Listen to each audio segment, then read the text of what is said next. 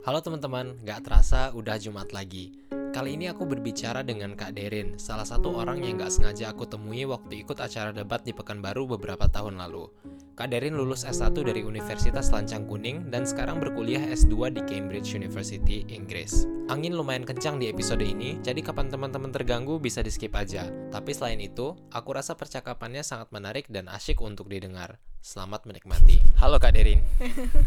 Halo Zaid. Akhirnya kita ketemu lagi. Ya. Uh, setelah I, I can't even count how many years. Nggak I think ya. last time was about like 20 2019 pas aku 2019 masuk lagi terakhir sama kita ya. ketemu ya. Ya. Mungkin kita bisa kasih tahu dulu nih Kak, di mana kita ketemu di tahun 2019 itu. Wak- Waktu itu dia sama Plus, kita sama-sama dipertemukan ya sama Kak Yoyo Oke. uh, yang apa ngundang kita sebagai adjudicator untuk lomba debat waktu itu. Oke. But I've been hearing your name for a long time karena kita sama-sama sama satu dulu. Ah, sama-sama SMA apa? SMA satu? Apanya SMA itu? juga kan? Aku. Iya. Aku SMA Cendana di Oh beda di, ya? di Duri. Oh, I, I keep hearing kayak uh, mu juniornya Kak Yoyo gitu. Ah, And I think I I, heard, uh, ya, namamu, namamu kayak terletas gitu sama satu. Aku assume aja mu sama satu gitu. Oke, Ya. Oh oke. beda ya. Ini di di uh, Ya, itunya Tapi emang udah lama sih dengan namamu gitu di circuit debate. Oke, di scene debate debate-nya Riau ya. Jadi Iya. kita di sana. Uh, Nah, sekarang kita duduk di mana, Kak? Di Cambridge. Wah, ini aku sangat-sangat tidak menyangka akhirnya kita bisa ketemu lagi di sini. You're the one who texted me. Aku kayak seneng banget loh. Oh iya, terima kasih. Aku juga nggak nyangka bisa denger logat Riau di sini. di sini. Dan ini sekarang aku lihat kiri kiriku Mhm. itu ada apa namanya kak memorial buat Princess Diana ya. Princess Diana. Dan di ya. kananku ini kayak ya orang-orang Cambridge entah turis entah kayak di depanku di sini ada mahasiswa Cambridge-nya sendiri Ya. Kak Derin. Kak Derin Tatum. Nah. I mean like for context for like why he's so amazed kedenger kayak logat Riau karena orang-orang Riau di sini nggak banyak. Obviously yang datang kayak uh, sekolah luar negeri itu yang dari Jabodetabek. I yang untuk kota kita bukan baru. Hmm. Cuma aku aja seorang aja yang di Cambridge sekarang ini. Wow. No one else. Makanya itu menurutku keren banget. Dan aku juga udah tahu sebenarnya Kak Derin dari dulu. Karena itu ya sebenarnya sekarang ini yang perlu dilakukan adalah kita coba perkenalkan dulu siapa Kak Oke. Derin. Mungkin bagi banyak pendengar yang baru pertama kali ketemu podcast ini perkenalkan nama aku Zahid. Aku biasanya bikin video tentang pengembangan diri hal-hal apa yang ku pelajari selama hidupku dan ku upload biasanya di YouTube. Sekarang ini podcast ini ini adalah hal yang ku lakukan. Di si- musim kedua ini kita transisi ke format dialog. Jadi biasanya ada orang lain yang di mana aku ajak bicara kali ini kita punya Kak Derin nah Kak Derin bisakah memberikan sedikit perkenalan kepada teman-teman Sure. Um, hey everyone, uh, my name is Tatum Darin. You can call me like Tatum atau Darin, terserah mau yang mana. I'm pretty much fine. Uh, I guess first things you need to know, uh, the one word that define myself is I'm a reader. So basically, all of my activities, my career, my short life, I'm not, I'm not even like a quarter decade yet old. Uh, it has to do with reading. pembaca Yeah, oke membaca. Like I really like reading. It doesn't quite matter what sort of genre is it. Of course, I have preferences. Tapi memang aku suka reading. And one of Okay. the things that I like to read, uh, apparently it's weird because I like to read research papers. Makanya, Okay. makanya sekarang research aku paper research papers. I, I know I know it's so boring for a lot of people. oke. But I love reading research papers. research paper itu bacanya pas mulai ke sini atau dari dulu emang suka baca research paper Ah, aku udah tahu kayak artikel ilmiah kayak gitu Hmm. sejak SMP Hmm. karena eh, sempat kayak hangout gitu sama eh, keluarga aku yang kayak dosen gitu. Aku Iya. ada uncle yang eh, dosen. Um, cuma aku eh, waktu itu mindset aku mikir oh yang bisa nulis-nulis kayak paper kayak gini ini cuma kayak profesor hebat gitu. But then like di semester 3 S1 aku Hmm. ada dosen yang bilang gak harus nunggu S3 kalau mau mulai nulis research paper Oke. kayak anak-anak kalian kalian level masih kayak S1 ini se- seminimal mungkin at least bisa bikin article review, research review. Ah, makanya aku approach dia gitu uh, outside of class hours, can you like teach me how to do it? Ya udah dari situ ya it just ball, ball pass from there. Wow, Ya. oke. Dan selain itu, selain Kak Derin suka baca research paper, satu hal yang gue notice dengan Kak Derin ini adalah bahasa Inggrisnya bagus banget. Nah, bagi banyak orang di daerah itu sering banget kayak nge-email ke aku, Kak aku nggak punya akses ke belajar bahasa Inggris dan semacamnya. Mhm. Tapi kalau Kak Derin sendiri dulu gimana caranya bisa belajar bahasa Inggris sampai ke level saat ini? I was obsessed with games, Terobsesi dengan games. Oke. Watching cartoons. So kartun. yeah, the thing that I like about uh, all of these things are the stories. Like Okay. I like to read, so mostly kan ya I won't say mostly but typically I encounter people who would play games Hmm. tapi but they skip the story kayak Oke. langsung kayak klik klik klik itu aja yang penting kayak Yeah. langsung actionnya aja kok kan nggak I really like the story format teksnya gitu jadi Oke. dari situ aku dapat kayak banyak vocabulary-nya and then like when I watch cartoons uh, some episodes are really memorable. Terus kan dulu kan channel Disney Channel atau Yeah. kayak Global TV itu kan dulu suka kayak ngulang-ngulang episodenya maraton gitu kan. Hmm. And aku suka kayak imitate the lines gitu kayak SpongeBob like the whole 30 minutes Hmm. episode gitu aku ngulang aja and that's how I got like most of my accents dari kayak Nickelodeon shows gitu. Hmm, jadi poin terbesarnya sebenarnya adalah cerita. Mhm. Dan ini sebenarnya menarik banget kak. Aku merasa cukup puas juga ke cerita ini karena di belakang beberapa tahun ke belakang ini aku beneran kayak coba double down ke Ya. belajar bahasa, belajar bahasa asing. Dan kuncinya sebenarnya dari belajar bahasa ini adalah kita harus punya engagement yang bermakna dengan bahasa yang pengen kita pelajari. Makanya biasanya kalau ada orang punya kekasihnya orang mana gitu dan dia belajar bahasa itu, tahu-tahu dalam waktu yang sebentar kayak dapat aja bahasanya. Ya. Karena dia ada engagement yang bermakna. Dan kalau dari Kak Derin, engagement bermakna tadi muncul dari bentuk cerita. Ya. Itu mulai belajar bahasa Inggrisnya kapan? Uh, ever since I was young, so Oke. I grew up with Yangnya kapan coba?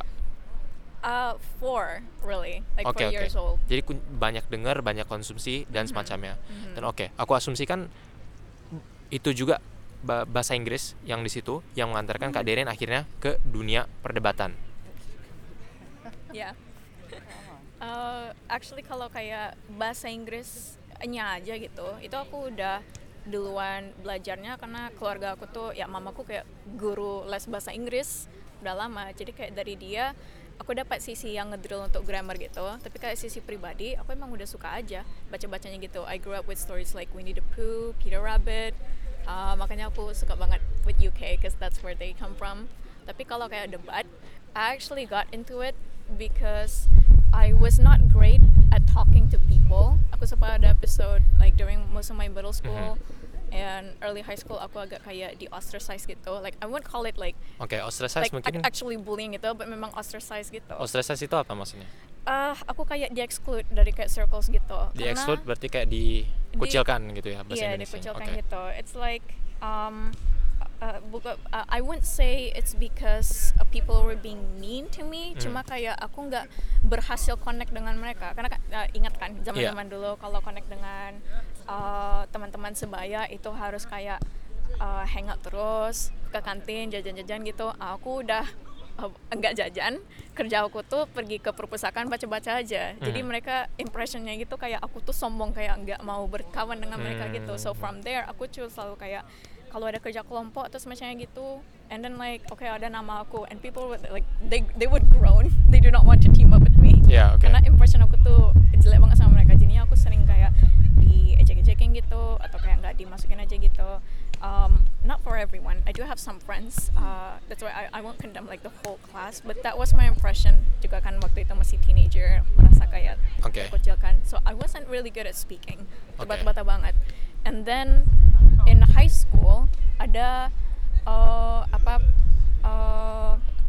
mereka ngasih uh, introduction for like various all sorts of clubs Mhm. and then like aku ngeliat ini ada kak Michiko Jeffries Dew I don't know if Iya, you iya. know her no dia kayak senior di uh, SMA 1 Oke. dia terkenal banget itu uh, karena udah kayak sejak SM, eh, sejak SD dia berpidato-pidato gitu Wow. Iya, jadi dia kayak dapat uh, plaque-nya sendiri Hmm. sebagai kayak wanita inspirasi pas dia masih SMA di Puswil di Pekanbaru tuh. Wow.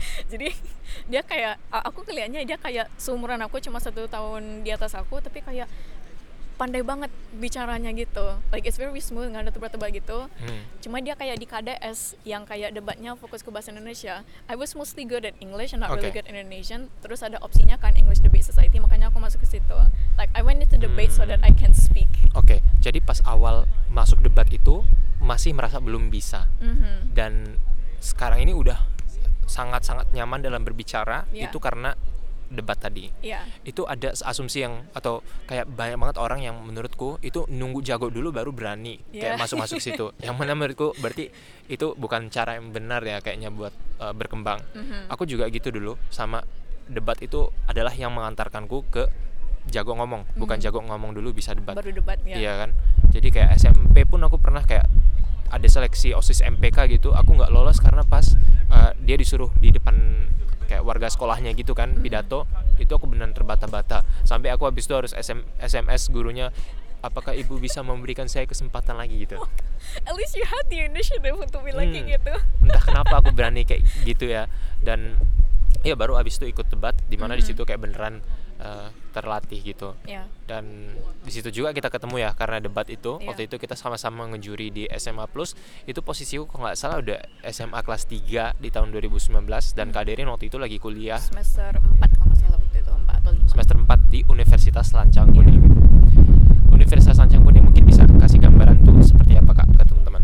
Eh, itu universitas private ya um, dan in terms of like reputation atau semacamnya gitu I say it's small at the time karena kayak dia bersampingan dengan universitas lain uh, politeknik PCR yang jauh lebih familiar gitu Hmm. kalau aku ngomong sama kayak orang-orang uh, lain di luar Riau juga atau bahkan kayak dalam Riau juga aku aku bilang oh aku di Unila gitu mereka ngiranya Lampung terus Oh. gak, gak, gak, gak nyadar kalau itu tuh lancang kuning gitu even like kalau misalnya daftar-daftar program Iya. semacamnya gitu Hmm. kan biasanya kan ada kayak universitas drop down Iya, iya. lancang kuning tuh selalu di other gak gak gak Oh, masuk gitu jadi misalnya ada nih pilihan universitas Institut Teknologi Bandung Universitas Riau ITB Unri ada tapi ada Unila tapi Unilak itu harus masuk di others karena saking kayak nggak dianggap gitu Mhm. sama banyak orang iya Oke, Mhm. itu yang menurutku salah satu yang menarik karena eh, dengan segala hormat Universitas Sancang Kuning Hmm. Itu biasanya kalau misal di Riau pun orang mikirnya Universitas Riau dulu, Iya. baru habis itu Universitas Sancang Kuning. Mhm. Nah,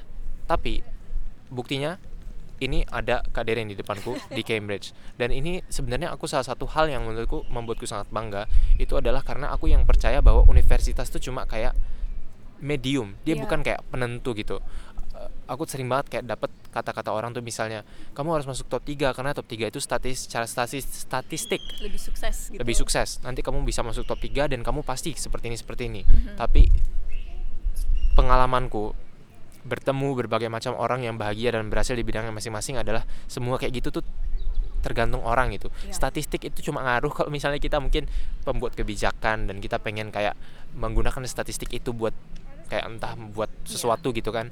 Tapi kalau misalnya yang menentukan keberhasilan kita itu berarti tergantung sama individu eh, situasi individu kita dan sebagai individu kita itu yakin nggak Iya. kita bisa maju karena kenyataannya keberhasilan kan itu ya berhasil karena nggak banyak orang yang melakukannya pasti yang berhasil itu selalu anomali kan pengecualian yang kayak mungkin dua persennya yang semacam kayak gitu dan itu tergantung kita berarti kita percaya diri kan kak Mhm. apakah kita bisa tergolong yang pengecualian tadi atau enggak. Dan makanya itu kenapa aku kayak seneng banget pas lihat kak Derin. Kak, berarti itu semakin memperkuat salah satu hal yang aku percaya bahwa universitas atau tempat di mana pun kita berada saat ini itu cuma kayak satu variabel dari berbagai macam hal lain Iya. yang bisa menentukan nantinya kita ke mana. Dan ya terima kasih sudah jadi representasi yang baik di situ. Nah tapi aku uh, ngomong ngomongin itu aku pengen tanya lagi soal Unilak. Dulu kenapa bisa milih Unilak Um, teknik aku dulu pertama kali pas lulus SMA kan Axel ya, jadi SNM Oke. uh, lulus 2 tahun, terus Oke. aku langsung masuk ke Unri yang pertamanya gitu, tipikalnya gitu. Universitas ya oke Iya, uh, ya, ya karena easy masuknya SNM udah lulus, terus juga uh, ya yang negeri gitu Hmm. kan yang dilihat uh, orang-orang masih kayak ngikut aja gitu dengan alurnya. But semester 1 di sana um, jadwalnya tuh lumayan hektik dosen-dosennya uh, kan keren-keren banget. Jadi mereka kayak jam terbangnya tuh tinggi banget. So I can really connect with a lot of the like lecturers there. Um, terus jaraknya uh, juga merupakan faktor yang gede untuk aku. Oke. karena kayak jarak uh, di Unri sama rumah aku itu kalau naik motor itu 45 menit. Wow. Kalau kalau naik bis um, itu apa uh, bisa kayak transitnya tiga kali. Tiga so kali. it, so it can be like tau dan lah belum tentu bis bisnya datang. tiga jam lima jam. So satu semester itu kayak I was wasting so much time on transit. Oke. Jadinya nggak betah aja aku Iya, iya. di sana. Ya Uh, Soalnya yang kalau- aku bilang ja- jadwalnya Hmm, chaotic hmm. itu juga uh, jadwalnya bisa kayak mulai jam 6 pagi atau Hmm. jam 10 eh, jam 7 pagi. Yap. Datang ke sana mendadak batal kelasnya jam selanjutnya itu jam uh, satu siang Iya, wow. aku nggak aku nggak nggak mungkin nggak pulang gitu melakukan yang lain-lain harus Hmm. stay di kampus gitu Ya. and then like aku jamnya itu bisa sampai jam 8 lewat karena ada kayak lab session gitu jadi sampai malam-malam gitu so I was really burnt out uh, to the point aku sampai di hospitalized mendadak kayak abis tapas gitu pingsan di Hmm. tengah kelas I panic everyone I was so sorry um, tapi ya jadinya kayak uh, kekuatan my physical Hmm. health didn't really match dengan Demand. demands yang diminta untuk yang di universitas negeri jadi aku mulai scouring ke universitas lain gitu Ya. terus aku cek di Unila itu mereka kayak jadwalnya teratur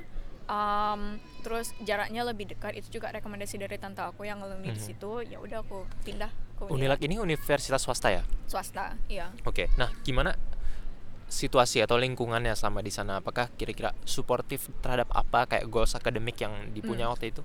Ya, um, yeah, this is also uh, good for me cocok uh, Unila itu dengan aku karena aku suka lingkungan yang lebih dekat gitu dengan orang-orangnya. Hmm. Kalau pas aku di Unri itu kayak gedung kelas sama gedung dosen-dosen itu kayak terpisah. Universitas uh, library-nya juga jauh banget.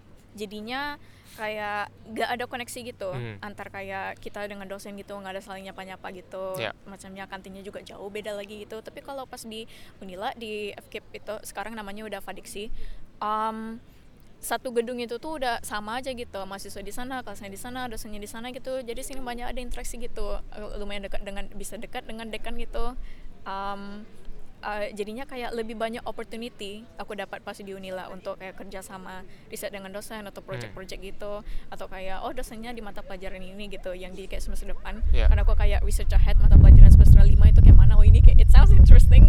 Ah, bisa aja aku datang ke kantor yang tanya ini nih kira-kira gimana gitu can I read more in advance gimana ya jadi lebih enak aja eh, di kampus yang lebih kecil Iya, kampus lebih kecil jadi kayak lebih terasa banyak atensi yang diberikan kepada kita secara Iya, individu. iya Wow, menarik. Ini juga hal yang kurasakan ya setelah kayak sekarang aku pindah ke univ swasta yang sebenarnya nggak terkenal itu juga dan Mhm. nggak seprestigius itu. Mhm. Cuma aku merasa kayak eh, goalsku sebagai pribadi itu lebih diperhatikan gitu. Iya. Karena kalau kita di universitas negeri mungkin minusnya ya itu karena kita kita tuh sebagai apa ya kita kayak ibarat yang numpang lah gitu. Mm. Kalau misalnya kita univ swasta kadang bonusnya atau plusnya itu kita semacam kayak klien kan. Iya, susah. Kita kayak ya transaksi bisnisnya tuh lebih jelas gitu. Dan kadang itulah yang memberikan insentif kepada orang untuk lebih serius menangani kita. Mhm. Dan itu mungkin salah satu plusnya ya. Dan waktu Unila kemarin tahu Kak Derin masuk Cambridge itu gimana reaksi mereka? oh, I did not tell anyone that I was udah lu kan kan konteksnya aku lulus Cambridge dulu baru lulus LPDP. Oke. Tapi aku lulus Cambridge itu aku nggak ngasih tahu orang-orang. Kenapa? Uh, because I don't want to freak them out. Karena pertama kali, Iya. uh, uh, so so they have known for a long time kalau aku tuh memang goalnya pengen keluar negeri. Iya. Bahkan kayak ada di semester 5 ada itu Mem Marwa uh, uh, apa dokter applied linguistics dia nanya gitu any one of you interested to study um like outside the country like where and then I, I immediately blurted out. Cambridge so like so they already know from there um and the first time that I started applying for uh, masters Mhm. uh, aku lulus dan diterima di Auckland itu yang di New Zealand. Aku Wow. udah ngasih tahu duluan sama uh, dekan fakultas aku. Dia udah ngasih tahu, of course dia proud gitu kan, Hmm. ngasih tahu ke dosen-dosen lain. So they were like, they had me talking about aku udah diterima di Auckland gitu in the video of me being karena aku kayak mahasiswa pemuncak gitu. Oh, Jadi iya. aku kayak sampai ngomong kayak gitu di video itu. But it was COVID Hmm. and meskipun Auckland terima aku, Hmm. the New Zealand government wasn't accepting international students jadinya Wow, nggak bisa. nggak bisa. aku datang ke sana so like people were expecting me to already be studying iya. abroad tapi ternyata nggak bisa makanya setelah itu every time that I got accepted or rejected from universities that I apply I don't tell anyone until I actually get uh, like a full guarantee Konfirmasi ya. Iya konfirmasi. Jadi pas aku dapat uh, lulus LPDP itu, nah Hmm. barulah itu aku kasih tahu. Mesti cu- cuma kayak satu dosen aja, tapi satu di sini dia ngelik ke rektor, ah, rektor di ke grup. Wah. Dosen-dosen ada di situ. Aku datang ke kampus esoknya karena Iya. aku mau kasih tahu dosen pembimbing aku. Aku udah Iya, iya, lulus, iya. mau berterima kasih. Enggak meledak semua orangnya aku datang. Oh, gimana tuh meledaknya tuh?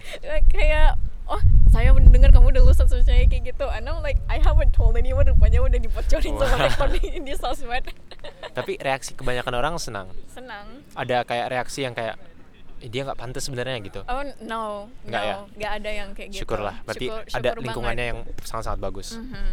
Um, uh, I think yang pal skala paling negatif itu cuma mereka nggak nyangka aja kok Hmm. bisa ya gitu Hmm. karena memang eh, dari Unila aku kan nggak tahu nggak punya akses kayak Iya. statistik whether or not someone pernah gitu Iya. tapi kalau dari ngomong-ngomong apparently belum ada sih yang sampai kuliah luar negeri sampai ke Inggris gitu Mhm. palingan eh, apa ke, ke Taiwan atau Thailand gitu Iya. kayak ada kayak mahasiswa dari Thailand gitu uh, for exchange studies but that's it according to them Iya. jadinya aku kayak muncul oh LPDP oh Cambridge pula lagi gitu Wow. and then like lo lo lo gitu disbelief aja sih I see. Oke. Even until aku kan lulusnya LPDP itu Juli pengumumannya. Oke, Hmm. ini kayak mereka semuanya senang congratulations semuanya gitu. Tapi masih ada kayak period dia like ini beneran nggak? Beneran bisa ini? Atau apakah masih tatung berusaha berusaha berusaha gitu tapi belum lulus gitu? Pas aku udah posting di Instagram that uh, that video of me like flying to Cambridge, aku baru like, wih beneran.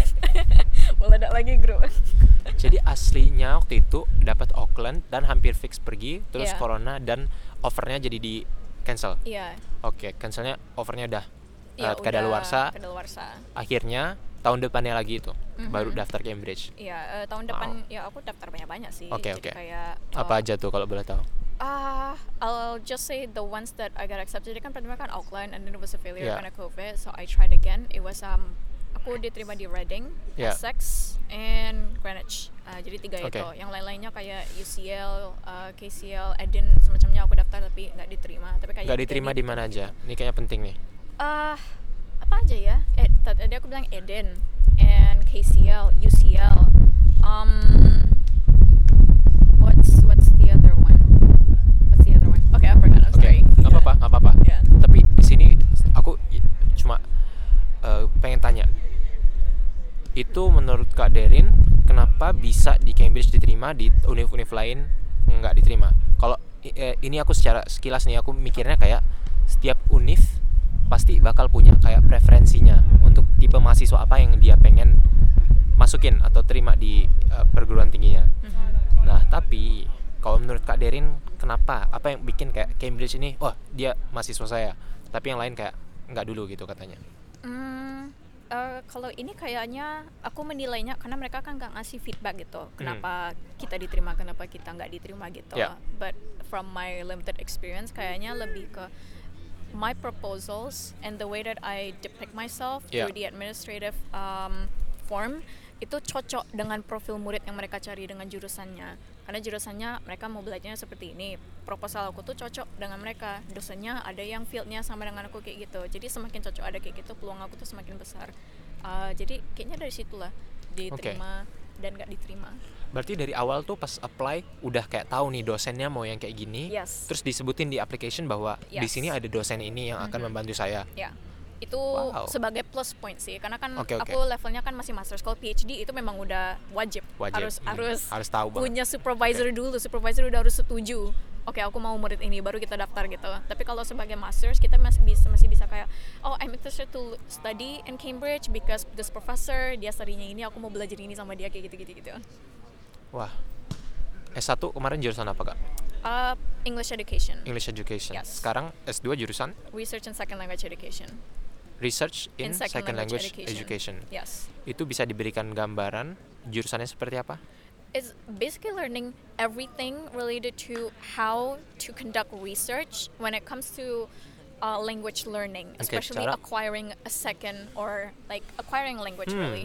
Melakukan riset tentang Yes. bagaimana cara kita bisa mengakuisisi bahasa kedua. Yeah, Oke. it's not about learning the language; it's about uh, learning everything in terms of kayak mana kita bisa melakukan penelitian di Hmm. area ini. So of course targetnya itu biasanya yang udah language teacher atau linguist, tapi nggak wajib kayak gitu. Bisa juga kayak orang-orang uh, even parents yang kayak Yes. care about Hmm. their children, their how they acquire language gitu juga.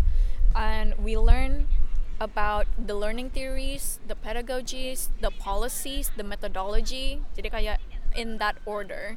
Everything related to it from like how it first started and how it is currently expanding. So it's basically like 60 years, decondensed Hmm. every unit. Wow. Sejauh ini suka sesuai ekspektasi? sesuai ekspektasi. In terms of like aku memang minta yang breadth-nya gede banget karena aku ini kerjanya kan sebagai apa managing editor untuk research journals gitu. So I need more knowledge instead of like the research experience that I have. Kerja atau itu itu kerja di Cambridge atau di Indonesia? Di Indonesia ya di Cambridge juga juga udah. Oke, tunggu ini satu poin yang aku penasaran. Berarti habis S1 itu langsung apply Cambridge atau kerja dulu? Aku udah kerja semester, semester 3 itu. Yang yang sama dosen aku apa tadi Oh. cerita bilang apa "Eh, aku mau belajar lebih lanjut tentang cara-cara nulis gitu. Jadi Oke. itu dia kayak nantang-nantang aku like can you do this? Can you do this? Kerja proofread ini coba kayak uh, extend conclusionnya, coba nulis lit repnya, coba discussionnya diperbagus gitu. Jadi itu kayak trial periodnya. Oke, oke. And after uh, term dia itu uh, I I survive Hmm. kayak natural selection gitu Yep. baru di hire aku sebagai research assistant di research institution di Unila itu jadi aku kerjanya udah lama sih kerja itu and then like I haven't quit aku masih kerja terus Oke. Jadi pengalaman kerja di sana itu Yeah. esensial dalam menentukan definitely pilihan yes. S2 ini. Sama berarti kata Kak Fianka juga gitu. Kak Fianka kan habis S2 langsung cari eh, tuh habis S1 ya. Habis S1 langsung cari S2 kalau nggak salah. Hmm. Jadi belum ada Ya. pe- itu pengalaman kerja. Terus kemarin aku wawancara dia di episode sebelumnya dan katanya dia juga milih kalau misalnya bisa putar waktu lagi dia bakal ngambil pengalaman kerja yang relevan. Hmm. Dan itu kasusnya ternyata terbukti juga di eh, di Kak Derin bahwa itu sangat-sangat berpengaruh dalam Iya. menentukan S2-nya mau kayak gimana dan jarak ke depannya seperti apa. Ya, apalagi untuk kita Hmm. yang beasiswa ini, like one of the staple conditions uh, that they require Yeah. from the applicants is that you have to have a minimum work history of two years. Jadinya kalau misalnya kayak lulus S1, Hmm. terus belum pernah kerja sama sekali, uh, well you will have to Yeah. prove that. So, jadinya harus kerja dulu. Jadi aku untung banget karena udah mulai dari semester 3, so I already have like four, five years of work experience sampai kayak tahap aku udah lulusnya itu. Hmm, apakah magang termasuk work Iya, experience? magang. Ya, at the very least mereka fleksibel gitu. Mereka nggak wajib kan itu work experience yang harus yang full time. Even if you just volunteer Iya. in kayak um, apa um, like off campus clubs gitu. Kayak ada join namanya fakta bahasa. Wow. uh, ngajar-ngajar people of all ages lah gitu bahasa Inggris every uh, a couple times a week gitu on weekends. Uh, itu termasuk juga dalam Termasuk resume juga. aku. Ya Hmm, jadinya menarik. ada aku kan bukan cuma daftar LPDP tapi Chapling juga Ah, kalau Iya. Chapling itu kayak dihitung I think it was like 2800 hours of Itu- work experience I can't remember probably itu that baru bisa chef ini. iya dihitung gitu Kalau dari satu lagi tuh beasiswa Jardin, Hah? what biasa Jardin. Entar nama di French accent-nya dia. Tapi it's di- French ada itunya nggak? Itu apa? Ada requirement kayak gitunya juga. Yes, oh iya, kalau requirement. tahu nggak? Eh, eh, Jardin ini tahu nggak? eh, roughly berapa jam? uh, I don't remember because I Okay. didn't I didn't apply to. Jupiter Jordan Sip. Eh, nah, di situ aku juga tahu bahwa di Cambridge ini juga ada berbagai macam colleges kan. Yeah. Nah, ini kayaknya asik untuk dibahas nih. Colleges, apa itu? um, if you're familiar with Harry Potter kita pakai analogi itu ya Hmm. Hogwarts is Cambridge University Oke. Gryffindor, Hufflepuff, Ravenclaw, Slytherin, houses ini, these are the colleges. But in Cambridge, you have 31 colleges. So it's basically 31 houses. Oke, 31 houses. Ada Yeah. 31 colleges yang bisa kita pilih. Yes. Itu menurutku bakal susah banget pilihnya. Mm. Kalau Kak Kak Kak Derin sekarang Mm. ada di college apa? Aku di Christ College. I Nah. love it. Berarti kalau misalnya kita lihat tadi analogi Harry Potter tadi, Hmm. berarti kalau misalnya kita milih college-college yang ada di Cambridge ini, pasti itu juga besar pengaruhnya dengan siapa kita, Hmm. orang kayak kayak gimana kan.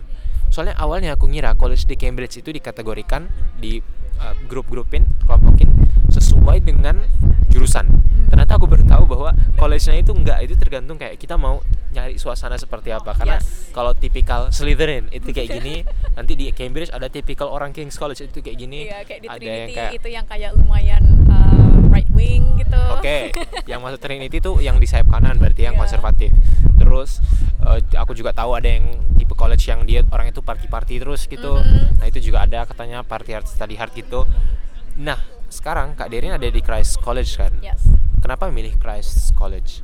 Honestly, my reason was quite shallow. Aku um, pengen belajarnya di tempat yang aesthetically aku bakal nyaman. Oke. So I Google all of the colleges names Oke. on Google. Terus mana yang jelek menurut aku, I cross it off my list. Oh, Oke. Christ was on top. Christ yang paling cantik menurut aku. That's why Ah. I signed up for it first.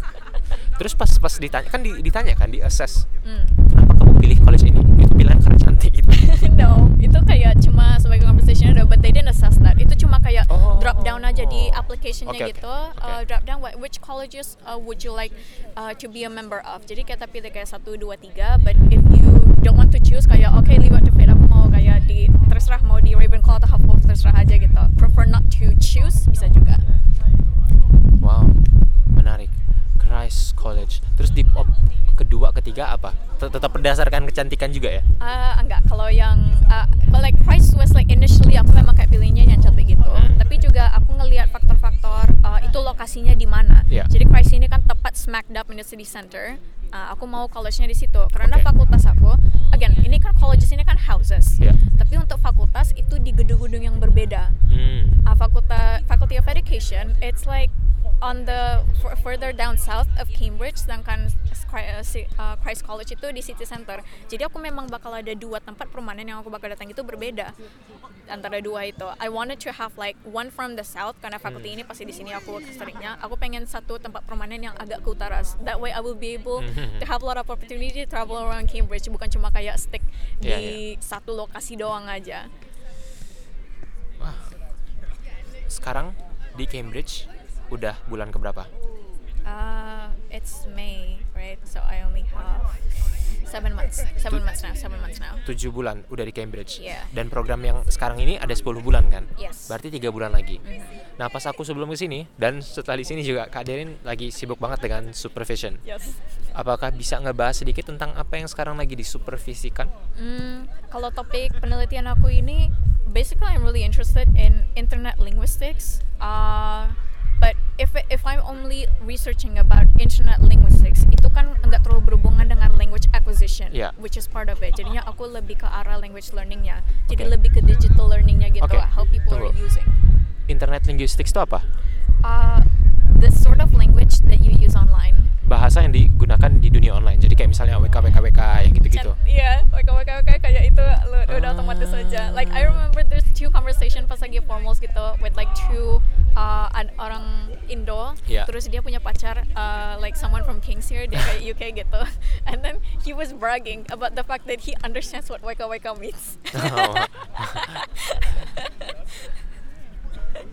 Nanti kira-kira hasil dari namanya disertasi bukan? Iya, disertasi. ini bakal di-apply gimana di work life atau Uh, di kalau ini nih lebih ke aku aku memang udah menggunakannya sebagai foundation untuk PhD aku nanti. Jadinya ini topik yang lumayan lebar at the moment karena aku melihat kayak person um, like comparing how lecturers and students view and how they actually pedagogically apply technology, specifically social media, in language learning in the formal classroom. Bukan cuma kayak makainya untuk casual side, karena itu udah banyak risetnya. Bukan cuma kayak penggunaan WhatsApp atau Zoom yang emang udah rutin kan, itu kan memang udah kayak syaratnya aja. Tapi kayak mana mereka ngedesain tugas-tugas di kelas gitu tuh yang nge-leverage the features that are available from this type of technology gitu. Jadi kayak itu Hmm. expanse-nya di seluruh uh, area Indonesia. Um, datanya udah dapat alhamdulillah. Jadi tadi itu yang baru aku selesai supervision Oke. itu aku nger, nger- apa ngelaporin hasil aku. yeah, I got it. And ini hasilnya nanti bisa aku expand uh, with uh, to like a lot of branches, branch of topics. Hmm. Bisa aku explore lagi ke lecture side-nya atau student side-nya atau kayak something that's really interesting. Hmm. Karena ada keluar kayak themes-themes that's very specific like neo-colonialism or Wow. multilingualism gitu. Oke oke. Tadi aku dengar katanya Kak, Kak Derin ini tuh dipersiapkan untuk PhD. Emang udah mau PhD atau ini kayak lebih aku mau pilihan buat PhD ini terbuka? um, emang udah gimana ya? Pengen PhD. Udah pengen. Iya, udah wow. dari dulu. Berarti sih. dari S1 udah tahu firm S2 nya kayak gimana, firm tahu S3 nya gimana. I mean like estimasi karir aku cause I like research ya jadi profesor gitu. Oh, jadi akademia, dosen, jalur ya, akademia. ya. Wow. Bagus ya, aku senang mendengarnya ya. Soalnya ada orang kayak aku yang sampai sekarang nggak tahu mau apa. Tadi aja ini aku baru sama Kak, Kak ini pergi ke, ke toko buku. Itu saking pengennya aku tuh kayak tergila-gila sama ilmu kayak banyak orang gitu. Maksudnya kayak ilmu spesifik yang bisa kayak nganterin aku ke jalur tertentu gitu ya aku sampai kayak ngeliat buku ek tentang economics Yeah. aku langsung kayak beralasan aduh ini tuh berguna banget buatku ini bisa mem- me- apa membuatku sangat cinta dengan ilmu You ekonomi keep trying to find reasons to buy this book. Iya, aku jadi dari tadi tuh cari-cari alasan untuk beli buku itu supaya aku punya interest yang lebih dalam Mm. terhadap suatu bidang supaya nanti kalau misalnya aku S2 atau aku punya keinginan untuk lanjutin studi, Yeah. itu aku tahu mau ngapain. Karena Mhm. aku dari kemarin tuh butuh waktu kan. Kalau misalnya Kak Derin tahu dulu aku sempat kuliah teknik kan. Yeah. Yang mana itu aku juga alasanku cukup shallow untuk milihnya. yeah. Oh ya? Yeah. Nonton TED Talk. Yeah, Terima kasih. you talked about like uh, failures quit, winners quit gitu. Iya iya. Dan kayak bagiku kayak apa ya? Kemarin tuh aku milihnya karena alasan-alasan. Oh iya. because I I was um aku belum kayak dari dulu langsung tahu aku mau jadi profesor. No, aku pas masuk S1 Hmm. I did not know what I want to be. Yang jelas kayak berhubungan dengan reading, berhubungan dengan kayak reading, menulis kayak gitu. Jadi aku coba-coba every club ever, uh, mengajar, uh, jurnalisme, teater, scriptwriter, sama direktur aku juga ngabet dua-duanya sekaligus, uh, research juga. Jadi kayak aku coba semuanya to the point of burning myself out. Tapi kayak pas di semester 4 itu aku mulai kayak nyadar, okay, there's just one activity where I don't mind sinking so many hours into, and instead of like keeping everything at, at once simultaneously gitu, aku udah langsung, okay, I'm just gonna quit the rest, fokus ke satu ini aja. Wah. Sekarang nggak terasa ya waktu berjalan dan mau ini bentar lagi lulus Cambridge. Ya.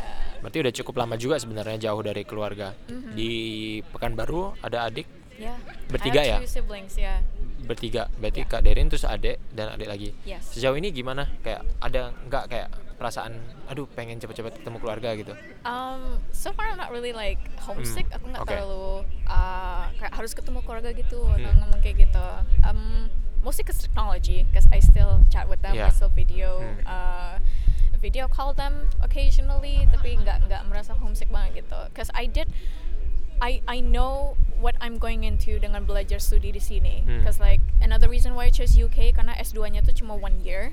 It's I, like my program is only like 10 months, and not even a Hmm. whole year. So it's not like I don't think that I'm gonna be like uh, missing my family too much because Yeah. it's only less than a year. I will go back uh, to them. Lebih kakak lebih palingan aku cuma uh, pray every day that they are still safe and that I'm still safe.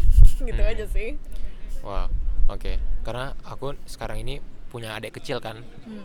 dan dia tuh kan anak kecil tuh pas balita-balita gitu kayak ditinggal berapa minggu aja udah berubah banget pas kita lihat lagi jadi kayak aku dari kemarin pas aku pergi Hmm. ke Jepang adikku masih buntel pipinya aku pulang kemarin kayak udah mulai tirus dan kayaknya ntar aku pulang lagi udah mulai tinggi jadi kayak uh, mungkin uh, kerasa banget gitu kalau Oh, ke ya. absence atau ketidakhadiran kita tuh beneran terasa jadi bagus lah mendengarnya Kak Derin bisa manage itu dengan cukup baik Ya. nanti pas lulus apakah keluarga akan ke sini Mm, no, uh, they can't uh, afford it. Plus, like, uh, ada complication, health complication with my mom. Uh, karena kan kewajibannya harus kayak Hmm. vaksin COVID gitu. But she Yeah. has like really bad reaction to it. Oke. Uh, jadinya dia nggak bisa kayak travel-travel Hmm. gitu. But I will come back to them. Uh, kasus kita juga agak berbeda sih kayak karena kan kalau Zaid kan adiknya memang muda banget. Hmm. Obviously, it's during his formative years where he's going to grow up very very quickly. Kalau adik aku, she's only eight years younger than me, and she's already in first year of high school. Jadinya Iya, iya. enggak, Jadi it's not as drastic. kayak, kayak as orang yang tetap kayak orang yang sama ya. Yes. Hmm, gitu. I'm glad that we managed to reconnect. I'm glad as well. Terima kasih teman-teman sudah mendengarkan. Sampai berjumpa pada episode berikutnya. Bye bye.